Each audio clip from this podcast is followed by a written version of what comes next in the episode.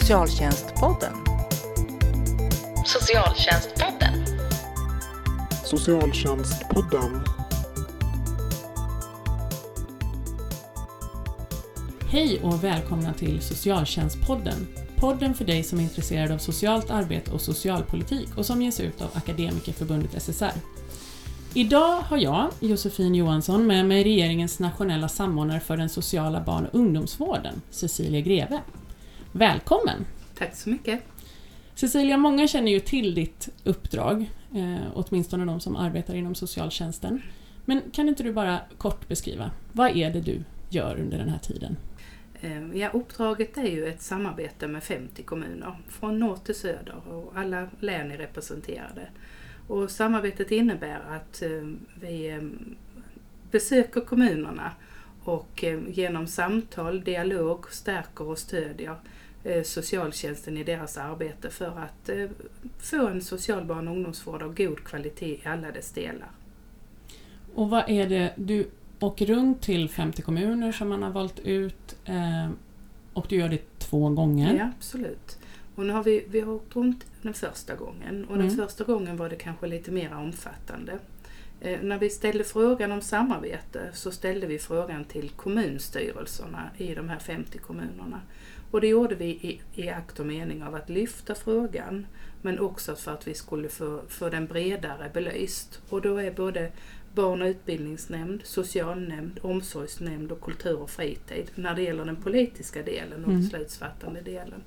Men vi gjorde också en, som vi tror kanske har fått mest uppmärksamhet i detta uppdraget, en mätning. Just det. Ja. Där faktiskt eh, 1302 utredande socionomer har bidragit eh, i arbetet och det innebar att de under fem dagar eh, blev utrustade med en smartphone. Och utifrån 12 variabler så markerade de vad de gjorde för arbetsuppgift under de här dagarna. Och nu och när vi åker runt på det andra kommunbesöket så redogör vi för hur ser det då ut när vi har mätt i alla de här kommunerna. Mm. 6500 dagar, så det, är, det är många dagar och stort material. Och då visar det ju sig att eh, väldigt lite tid ägnas åt de som verksamheten är till för. Mm.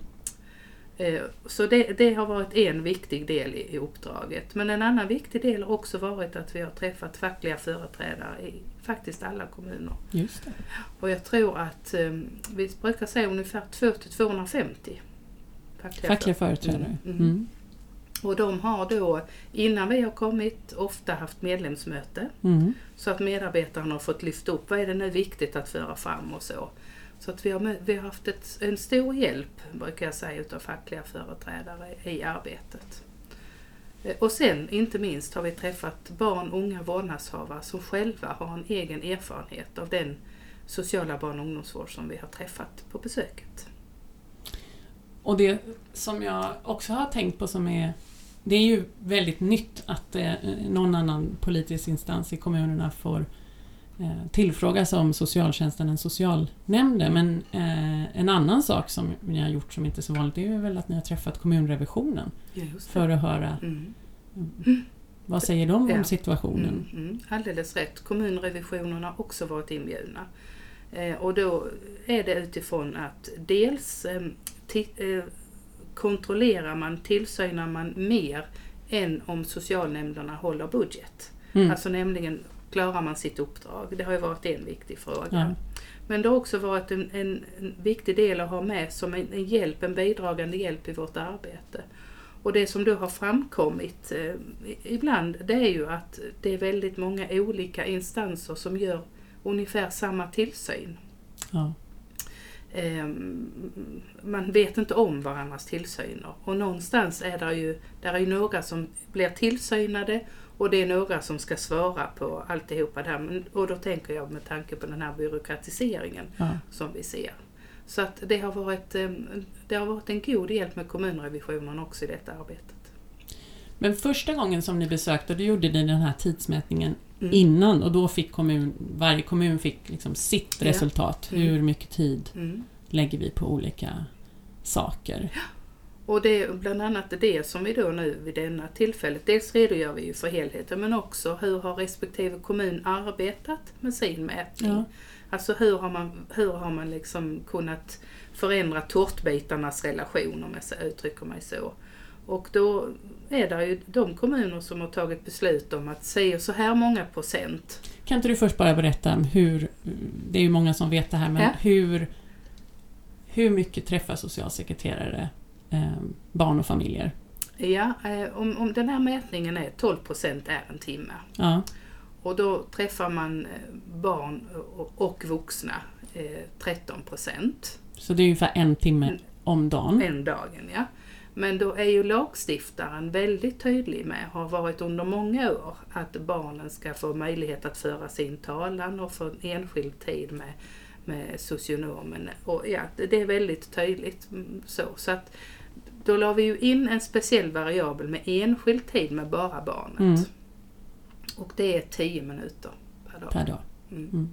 Vad, vad har kommunerna sagt när, när kom då första besöket och berättade att så här lite träffar ni de medborgarna? Eh, jo, alltså man, man är förfärad och man funderar också liksom på eh, Ja, dels detta att man, eh, alltså vi är ju, är ju till för medborgarna brukar man ju uttrycka det och det är liksom det minsta vi gör. Det, det blir någon sorts väckarklocka. Ehm, det, det är liksom en del utav det. Samtidigt så är det en del som har sagt, ja men det är kanske så här det ska vara. Så att det har varit lite, det har varit lite både och. Mm. Eh, för också i den här mätningen när det gäller utredande socialsekreterare så är det precis samma summa 2% 10 minuters tid för den enskilda socionomen att ingå i den egna enhetens utvecklingsarbete. Mm. Eh, och eh, ibland funderar man på om det lite grann hänger ihop. Alltså det finns ingen delaktighet på, på någon nivå. Men nu vill jag poängtera att nu är det utredande ja. socialsekreterare vi har tittat på. Uppdraget omfattar hela den sociala barn och ungdomsvården.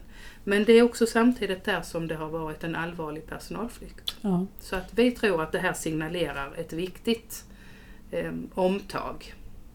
Vill jag säga. Och vad är det då som socionom, utredande socialsekreterare gör? Om de inte träffar familjer och barn och inte utvecklar sitt arbete, vad, det, vad gör man med sin arbetstid? Jo, alltså man har en stor del går naturligtvis åt, åt det kvalificerade utrednings och eh, dokumentationsarbetet. Och där har vi varit väldigt tydliga med och sagt att vi har ju inte alls någon som helst inriktning på att försämra någon rättssäkerhet Nej. eller så. Men skulle man kunna göra detta på något annat sätt? Ja. Eller är det så att man det, det, har också framkommit på, på resan att eh, det finns en rädsla för att göra fel. Um, och man, man eh, lyfter också att man vet inte vad är gott nog när det mm. gäller dokumentationen. Och därför så tror vi att, eh, och har också lagt förslag på, på förbättringsarbete som, som liksom ska hjälpa till här. För att jag, jag tror att vi måste hjälpa till med att på något sätt beskriva vad är gott nog? Ja. ja. Eh, och att man också blir trygg i det ja. eh, arbetet. För att man sitter ja, tre, fyra, fem timmar, det beror på, eh, ensamma bakom skrivbordet.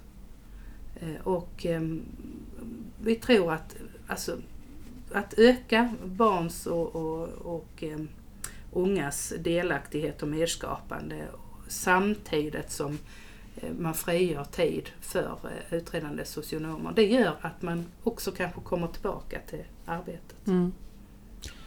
Eh, och där vet vi ju att många kommuner upplever att det är staten som har lagt ja. på mm. ökade krav på dokumentation, mm, mm, mm. ökad tillsyn, eh, ökad kontroll. Mm. Och samtidigt så har ju den här personalomsättningen som du också lyfter, eh, mm. gjort att det är väldigt mycket nya socionomer som mm. jobbar i den. Mm. Social, alltså som utredande socialsekreterare. Och de byter ofta jobb och de blir ofta sjukskrivna.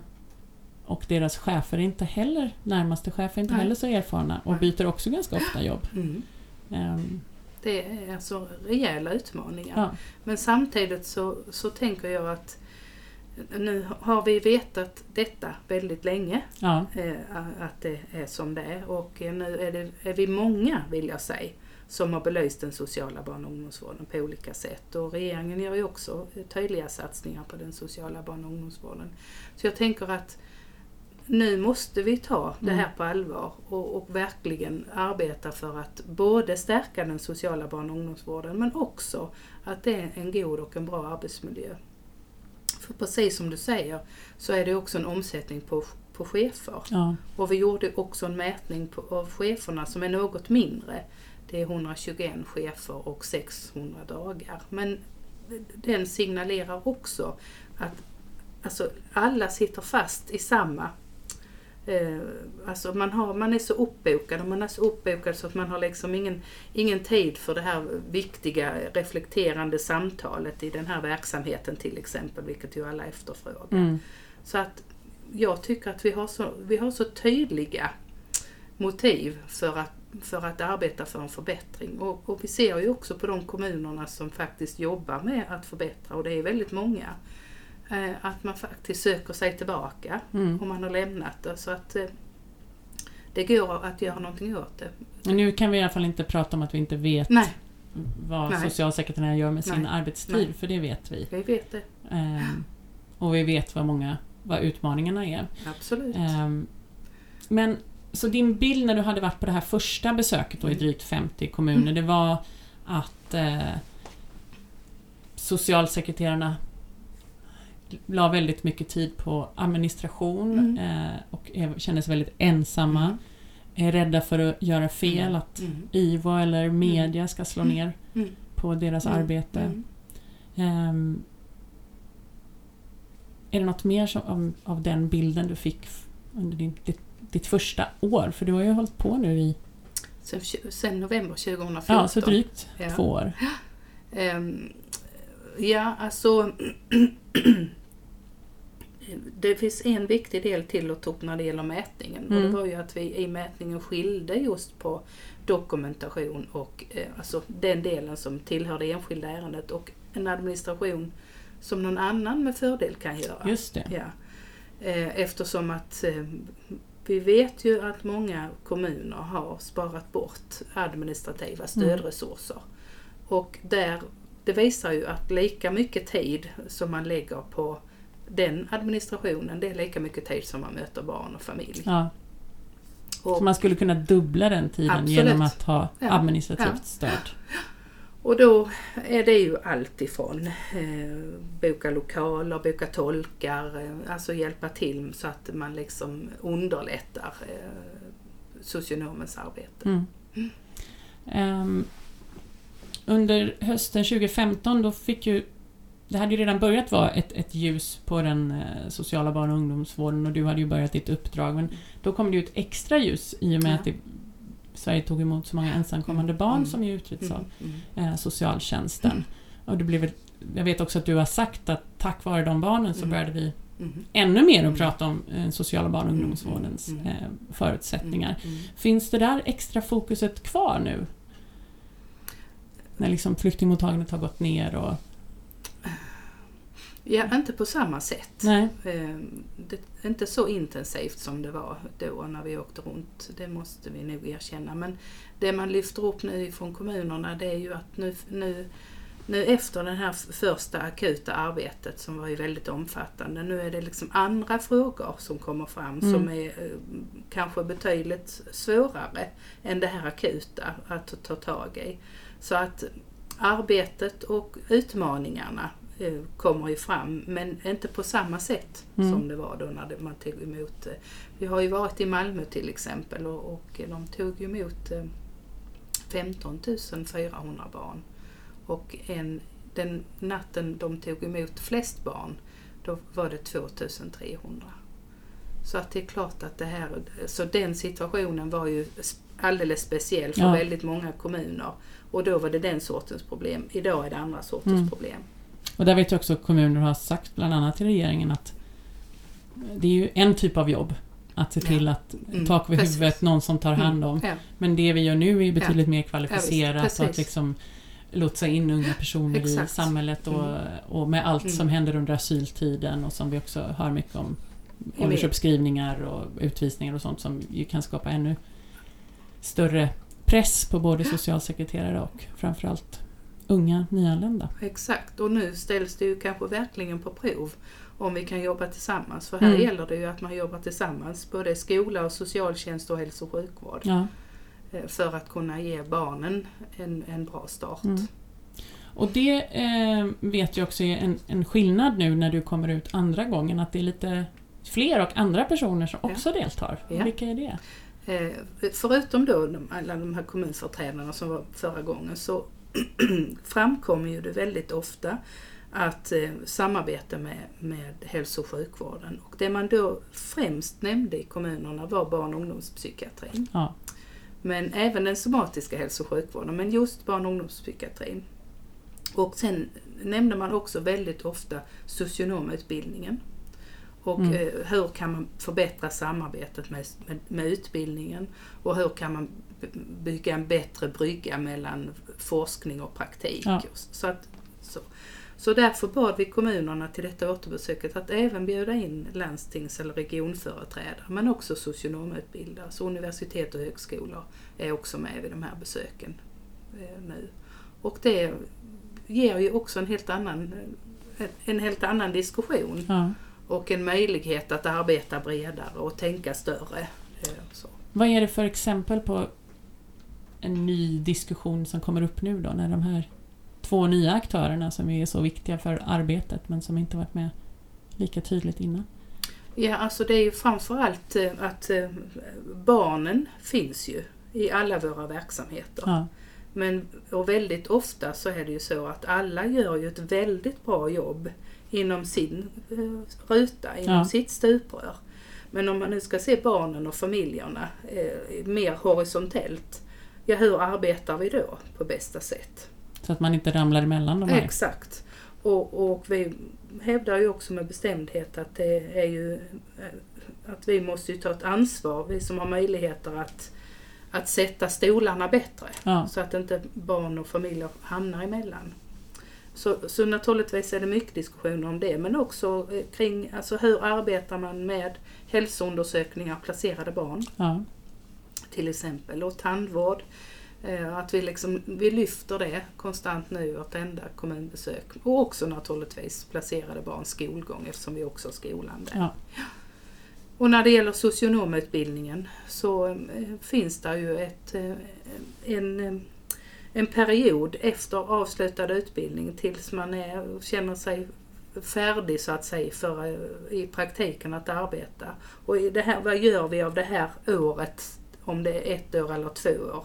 Hur stärker vi det? Kan man göra någonting tillsammans? Mm. är ju till exempel eh, några frågeställningar. Och vi har ju också lite funderingar där naturligtvis inför slutrapporten. Hur kan man arbeta med så att det här blir, blir något nationellt och något lika? Ja. Inte beroende på var, var det finns eh, socionomutbildare som tycker det här är viktigt och, och så.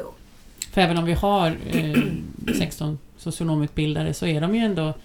Det är ju inte så att alla kommuner kanske känner att de Nej. har sin socialhögskola Nej. som ligger nära. Nej, så är det. Eh, Och det som vi också lyfter upp eftersom att det här kommer ju eh, oerhört ofta och återkommande att det måste vara fler kompetenser i den sociala barn och Ja. Eh, Alltså förskollärare, speciallärare, hälso och sjukvårdskompetens och så. Och då har man ju också från kommunerna sagt att det måste börja i utbildningen redan. Att man läser kanske något block tillsammans. Mm. Och då är det ju då de utbildare som berättar ja men vi har planer på gång med lärarutbildningen till exempel och förskollärarlinjen och så. Så att sådana delar tar vi också upp som är viktiga och väsentliga. Och vad för konkreta exempel finns det på just det här med att ha fler kompetenser? För det är ju själva utredningen har ju lagstiftaren Mm. sagt ska göras av en socionom. Absolut.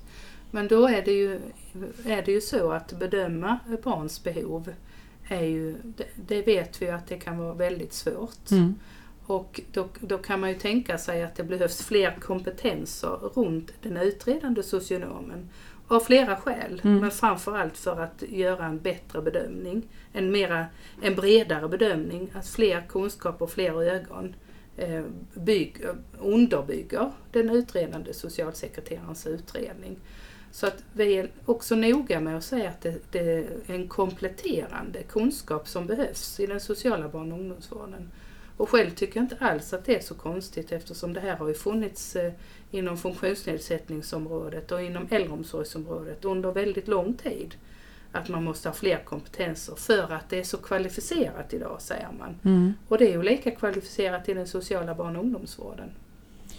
Men de exempel som du har sett, är det att, att kommun, att de organisatoriskt tillhör socialtjänsten eller att de liksom är resurser från andra, alltså från skola till exempel eller från hälso och sjukvården?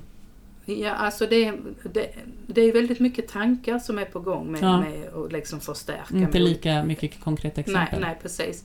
Det konkreta exemplet vi har, och det var någon kommun som vi precis har varit på återbesök till, som har anställt en specialpedagog, Ja, eller speciallärare, på, i den sociala barn och ungdomsvården för att säkra skolgången. mm. För att vara en brygga mellan socialtjänsten och skolan. Mm. Och det är ju alldeles utmärkt. Det känner jag också till exempel på, i Ja. kommuner som du inte har besökt. Nej. Att man har gjort så. Just det. Så att det, jag, jag tycker att det här är liksom det, liksom bara, det kommer att bara att berika Ja. och göra det bättre tänker jag. Och kanske också eh, bli ett bra stöd. Ja. Eftersom vi har precis pratat om att, det, att man känner sig ensam Ja. och att man, man behöver stöd av kollegor. Då tror jag också att det är väldigt bra att få stöd utav andra kollegor som kan komma in med en annan kunskap. Mm. Och som kanske också pratar skolans språk och Precis. hälso och sjukvårdens språk. Språk, ja Mm. exakt.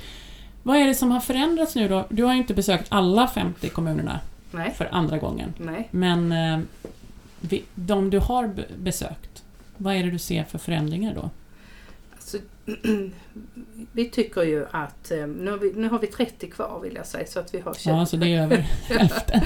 Men, men eh, alltså, personalomsättning och eh, arbetsbelastning, det är ändå frågor som har ett, ett fokus. Mm. Så, och att man på olika sätt man utvecklar modeller för att mäta arbetstyngd och, med, och att man till exempel i Helsingborg har man gjort en, en fyrfältstabell eh, där, där man får lov att eh, eh, som medarbetare då skriva och, och markera hur tyngden är i, i de utredningarna som man ansvarar för.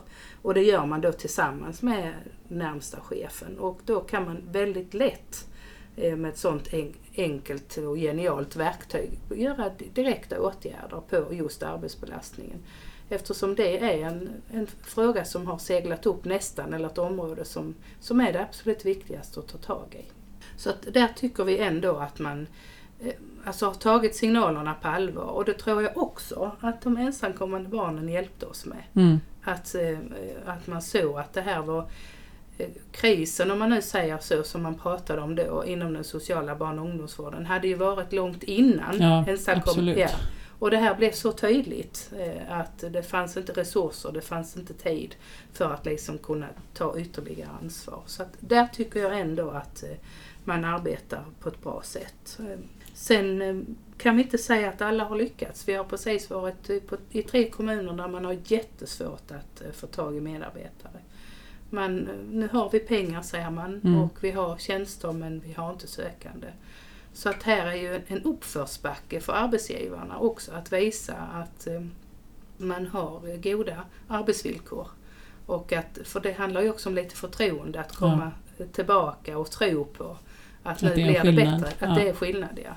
Så det finns både de kommuner som har gjort åtgärder vilket leder till att medarbetare kommer tillbaka Ja. och man kan rekrytera och så finns det andra kommuner eh, som i alla fall har pengar till tjänster men som inte lyckas Ja. ändå. Exakt, så är det. Sen tycker vi också att eh, barns delaktighet och medskapande eh, också är ett, eh, ett område som, som verkligen lyfts och, att, och där har ju mätningen verkligen hjälpt oss Ja, att fokusera på, på frågorna och att det har liksom lyfts och att det är viktigt. Och sen i alla kommuner så att arbeta mer tvärprofessionellt över nämnderna. Alltså barnen finns i alla verksamheter. Mm. Hur jobbar vi annorlunda? Det handlar ju både för att, det handlar framförallt för att det ska bli bättre för, för de barn och unga familjer som kommer i kontakt med, med kommunerna. Men det handlar ju också om, om alltså hur använder vi våra resurser, Resurser, på det bästa ja. sättet. Att vi inte ska göra samma sak Ja, på flera ställen. Och sen, sen en, en annan viktig del, och den tycker vi ibland att vi har kanske pratat om för lite inom ramen för detta uppdraget, det är ju cheferna och ledarnas förutsättningar Mm. som ju också är oerhört viktiga så att de också orkar stanna kvar och, och, och, och ha en långsiktighet i sitt ledarskap. Så lite in inne på vad har man för förutsättningar, hur många underställda har Mm. man, hur mycket... De jobbar ju också extremt mycket med rekrytering Precis, exakt. när man inte kan få folk. Nej. Och det syns ju i deras mätning också att man sitter fast i väldigt mycket chefsadministration. Ja. Och där ligger ju naturligtvis mycket rekryteringsarbete. Och hur kan man då jobba med det på ett annat sätt kanske? Mm.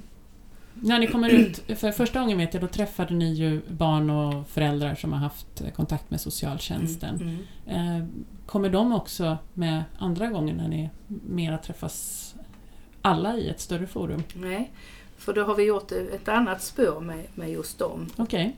Och då är det så att eh, efter vi hade varit runt i alla de här kommunerna så blev de särskilt inbjudna till Åsa Regner som är ansvarig minister Mm. för det här området. Och till henne fick de föra fram sina förbättringssynpunkter och, ja, och sina erfarenheter av socialtjänsten och den sociala barn och ungdomsvården. Kan du berätta lite vad de erfarenheterna är? Eh, erfarenheterna, det som är eh, jag tycker jag styrkan i, i detta uppdraget det är att faktiskt alla för fram exakt samma saker som är detta måste området, detta måste man ta tag i.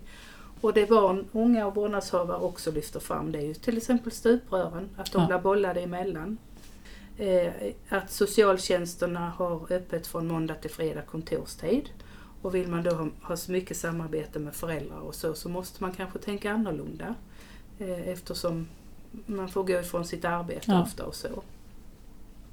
Eh, man för också fram eh, att man eh, ibland har man blivit väldigt bra bemött och att eh, socialtjänsten får oförtjänt mycket negativ kritik. Det är bättre än vad man tror. Det är viktigt att man bildar sin egen uppfattning. Mm. Eh, Men man säger också ibland att man tycker att man inte blir respektfullt bemött och att man känner sig fel från allra första början. Man lyfter också upp att eh, det behövs mera teknik i den sociala barn och ungdomsvården. Eh, det känns inte så modernt med brev och telefontider längre. Nej. Nej. Utan att eh, sms och skype och chatt och twitter, Mm. ja nej men liksom den, den världen Mm. måste, och faxen eh, eh, Den är väl bara kvar på socialtjänstkontoren, polisen. men känns som det är lite retro. Men, men alltså den finns ju fortfarande kvar, den har ju aldrig försvunnit inom för, från våra verksamheter. Så att, alltså, jag menar, de lyfter ju upp exakt samma sak som medarbetare och Mm. förtroendevalda. Och det i sig tycker jag ju gör att, ja men nu vet vi ju. Och nu vill ju alla åt Mm. samma håll. Och gör vi vissa saker som är bättre för barn och familjer så kommer det också vara bättre för Ja, personalen och, Absolut. och tvärtom. Det hänger verkligen ihop. Och, och sen så det de också eh, för fram väldigt mycket det är att socialtjänsten måste ut i skolan Ja. och berätta om socialtjänsten. Ja. Det ska inte vara polisen som berättar om socialtjänsten utan det ska vara socialtjänsten själva. Det har varit ett viktigt budskap. Och också att man ska kunna ringa till socialtjänsten med, med till exempel motsvarande 112 och Ja. att det inte syns på telefonräkning. ja. Det är viktiga... Viktiga kunskaper. Ja. Mm, det det. Där brukar ju du spela upp en liten inspelning med ett barn som ju säger det, att Ja. han borde tala om för alla Ja. barn vad socialtjänsten är. precis. Så man Inte vet bara det. vuxna. Inte bara vuxna. Nej, Nej. utan barnen måste också veta. Mm. Och hon är sex år. Ja, Ja. Det, är, Goda kunskaper. det är verkligen... Ehm, men i de kommuner där du då ser att här händer det saker i en positiv riktning, vad är det för framgångsfaktorer då som resten av Sverige kan lära sig av? Alltså, vi brukar ju till exempel säga så här att när man ska utveckla eh, verksamheter och ha ett medskapande med barn och unga så måste de också få vara med i problemlösningen. Mm. Problemformuleringen, inte bara i lösningen. Och jag tror att det är sak samma med medarbetare. Alltså att man, man måste liksom sätta sig tillsammans med medarbetare, fackliga företrädare och arbetsgivare och liksom fundera över vad vad är det bästa vi kan göra nu? Och vad, vad ska vi börja med och vad kan vi ta sen? Ja. Så att alla liksom får bidra och alla får komma med sina egna kunskaper och synpunkter.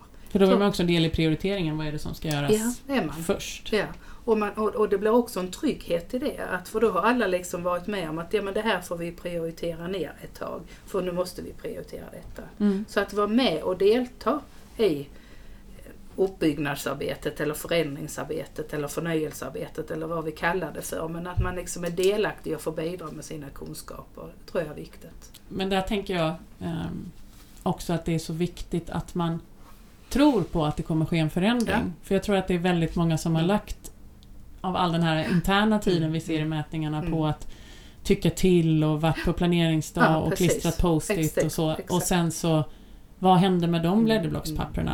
mm, Eh, Sen fick vi en ny socialchef Mm, och så blev det ingenting. Nej. Att det är ju eh, många som Mm, också kan ha låg förväntan på att mm. min delaktighet verkligen ge, gör en skillnad. Mm, mm. Och det har jag verkligen respekt för. Ehm, Och, och ibland är det ju också så att det blir eh, omorganisationer istället. eh, Då, Ja. ja. Och det vet vi också att eh, ibland behövs ju det men vi vet också att medarbetare lämnar organisationerna. Ja. Så att, att, att verkligen mena allvar med att bjuda in, det är ju ett ansvar Ja. som arbetsgivarna gör. Och också ett ansvar att ta vara på de kunskaperna som medarbetarna bidrar med. Jag, men jag vet, jag vet om det du säger och Ja. jag vet om problem, problemet men jag tror att om vi, och det visar ju också de kommunerna som har samlat medarbetare och tagit sig an det som man har fört fram som viktigt i till exempel arbetsmiljö och trivsel och, och, och så. Att, att det ger ju också effekter Ja. när man märker att ja, men man har, arbetsgivaren har lyssnat och jag ser att det jag får fram det blir också, också verkligt. Så det kan vara så att man kanske måste göra någon åtgärd väldigt snabbt för Ja. att få med sig eh, personalen i att Ja, det, det kommer att ske förändringar Precis. utifrån vad vi, ja. vad vi säger att behövs göras. Ja. För vi vet också att det, det är ju det som sprids också ut. Att nu är det någon kommun som tar tag i Mm. och att man bygger in och man involverar. Medarbetare börjar att sprida också bättre omdömen om den kommunen som arbetsgivare. Så att jag menar det här är ju den bästa eh, egentligen eh, rekryteringsunderlaget. Att man har medarbetare som sprider gott. Ja, Om, då kanske sätter press på grannkommunerna för då är det direkt att man måste göra efter för att inte bli av med personalen. Exakt, så är det. Positiv påtryckning. Men som du har ju... Eh, det är ju lite så att för att det ska bli attraktivt att jobba, för det här är ju verkligen... Vi ser ingenstans inom socialtjänsten är det ju så svårt att rekrytera som just barn och, utreda barn och unga. Mm. Eh, vi ser ju inte att socionomer lämnar socionomyrkena utan man gör, då går man till andra saker Mm, mm. inom socialt Mm. arbete där man känner kanske att man får mer tid för barn och vuxna och ehm, kan få mer utrymme för sin profession. Ehm, vad, vad tror du krävs för att, att det ska bli attraktivt att eh, arbeta med att utreda barn och unga? Att det ska bli lite det här som det har varit förr i tiden, att det är liksom bland det finaste man kan göra Mm, inom mm, socialtjänsten. mm, mm. Att se till att barn inte far illa. Exakt. Ja, alltså det är egentligen det som detta samtalet har handlat om Mm. hittills. Alltså, eh, bättre förutsättningar, goda förutsättningar och ett, ett ve- verkligt stöd, ett ledarstöd i arbetet Eh, är ju också oerhört viktigt. Eh, sen eh, tycker jag också att att komma tillbaka och diskutera och resonera och reflektera över det sociala arbetet. Någon, någon klok person har sagt på resans gång att vad hände med, med socialarbetaren när den titel blev socialsekreterare? Mm. Vad hände med det sociala arbetet när det flyttade in på kontoret på kontorstid? Eh, och alltså, diskutera socialarbetet och det sociala arbetets förutsättningar. Och kanske också flytta ut lite mer eh, och arbeta förebyggande och tidigt med Mm. tidiga insatser och göra det tvärprofessionellt. Och jag, jag tror att vi måste jobba på många delar samtidigt. Eh, Både att vi börjar med förebyggande och tidiga insatser men också att vi stärker den delen som måste jobba med de kvalificerade utredningarna. Mm. Och det är kanske just där man också ska också bygga tvärprofessionellt för att liksom orka med. Ja. För det förebyggande arbetet har ju sällan svårt att rekrytera. Nej, så är det. Som får vara nära och Ja, inte hålla på så mycket med administration och jobba med olika Så är det. aktörer. Sen och sen är det ju naturligtvis en lönefråga Ja. som vi ju möter i väldigt många kommuner. Eh, eh, där man höjer lönerna och, och man har en stegvis höjning för lönerna. Men det är också kontinuerlig kompetenshöjning. Ja.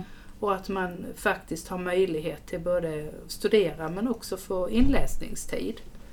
Det brukar det vara det största bekymret när man har en sån personalomsättning som är nu. Att man får gå på utbildningarna men man får inte någon inläsningstid. Nej. Ja, det var flera saker då, både, både lön och att ens erfarenhet tar till godo och att det Mm. finns möjlighet att utvecklas i Mm. yrket. Mm. Ehm, hur fortsätter du nu? Nu är vi ju i februari, eller i mars är Mm. vi, när det sänds. Eh, och du är samordnare till sista december, va? 15 december. 15 december, så du behöver inte jobba över jul. Eh, hur fortsätter du nu, Nu så resten av resan? ja, det är 23 maj är det sista kommunbesöket, det gör vi på Gotland. Ja. Och sen så ska vi, vi har ju samarbetat inom detta uppdraget, det har ju varit ett tydligt inriktning och eh, vi har ju på resans gång samarbetat med SKL, de regionala utvecklingsledarna till exempel och, vi, och myndigheter och med flera naturligtvis, men också med fackliga företrädare. Så att eh, tanken är att vi i augusti-september ska ha fem regionala konferenser tillsammans med samarbetspartners nu och, och också de kommunerna att berätta om sitt förbättringsarbete. Mm. Så det är, och sen är det en slutrapport som ska lämnas då till ansvarig minister Åsa Regnér den 15 december.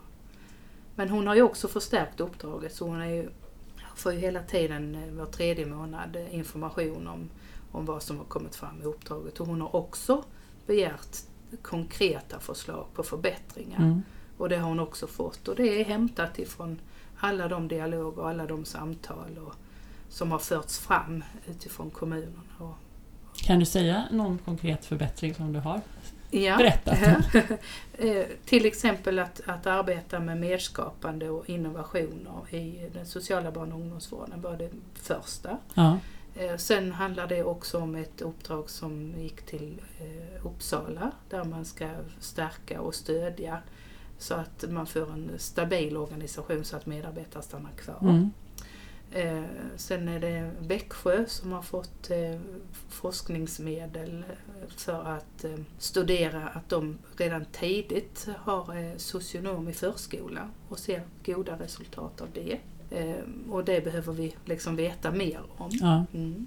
Sen ger vi oss också i kast med dokumentationen Bra. ja, och ser eh, hur kan vi eh, stärka och stödja så att det blir en kärnfull dokumentation. Men också att vi går tillbaka till vad är dokumentationen till för? Jo, nämligen att göra det begripligt för barn, och unga och de familjer som är, som är föremål för dokumentationen. Att vi går tillbaka till Vi skriver inte för oss själva Nej, exakt. Exakt, och heller inte utreder mer än, vad det än vi behöver. Nej, precis. Och sen är det också hjälp till eh, framförallt till mindre kommuner och så att få möjlighet att myndighetsutöva över kommungränser utan särskild nämnd eller juridisk person. Jag tror vi också hade hjälpt till. I, eh, och, och också kunna kanske hjälpa till över kommungränserna att eh, följa upp placerade barn. Eh, Och Mm. då hade vi också minskat på tiden på vägen för medarbetare. Precis. Mm.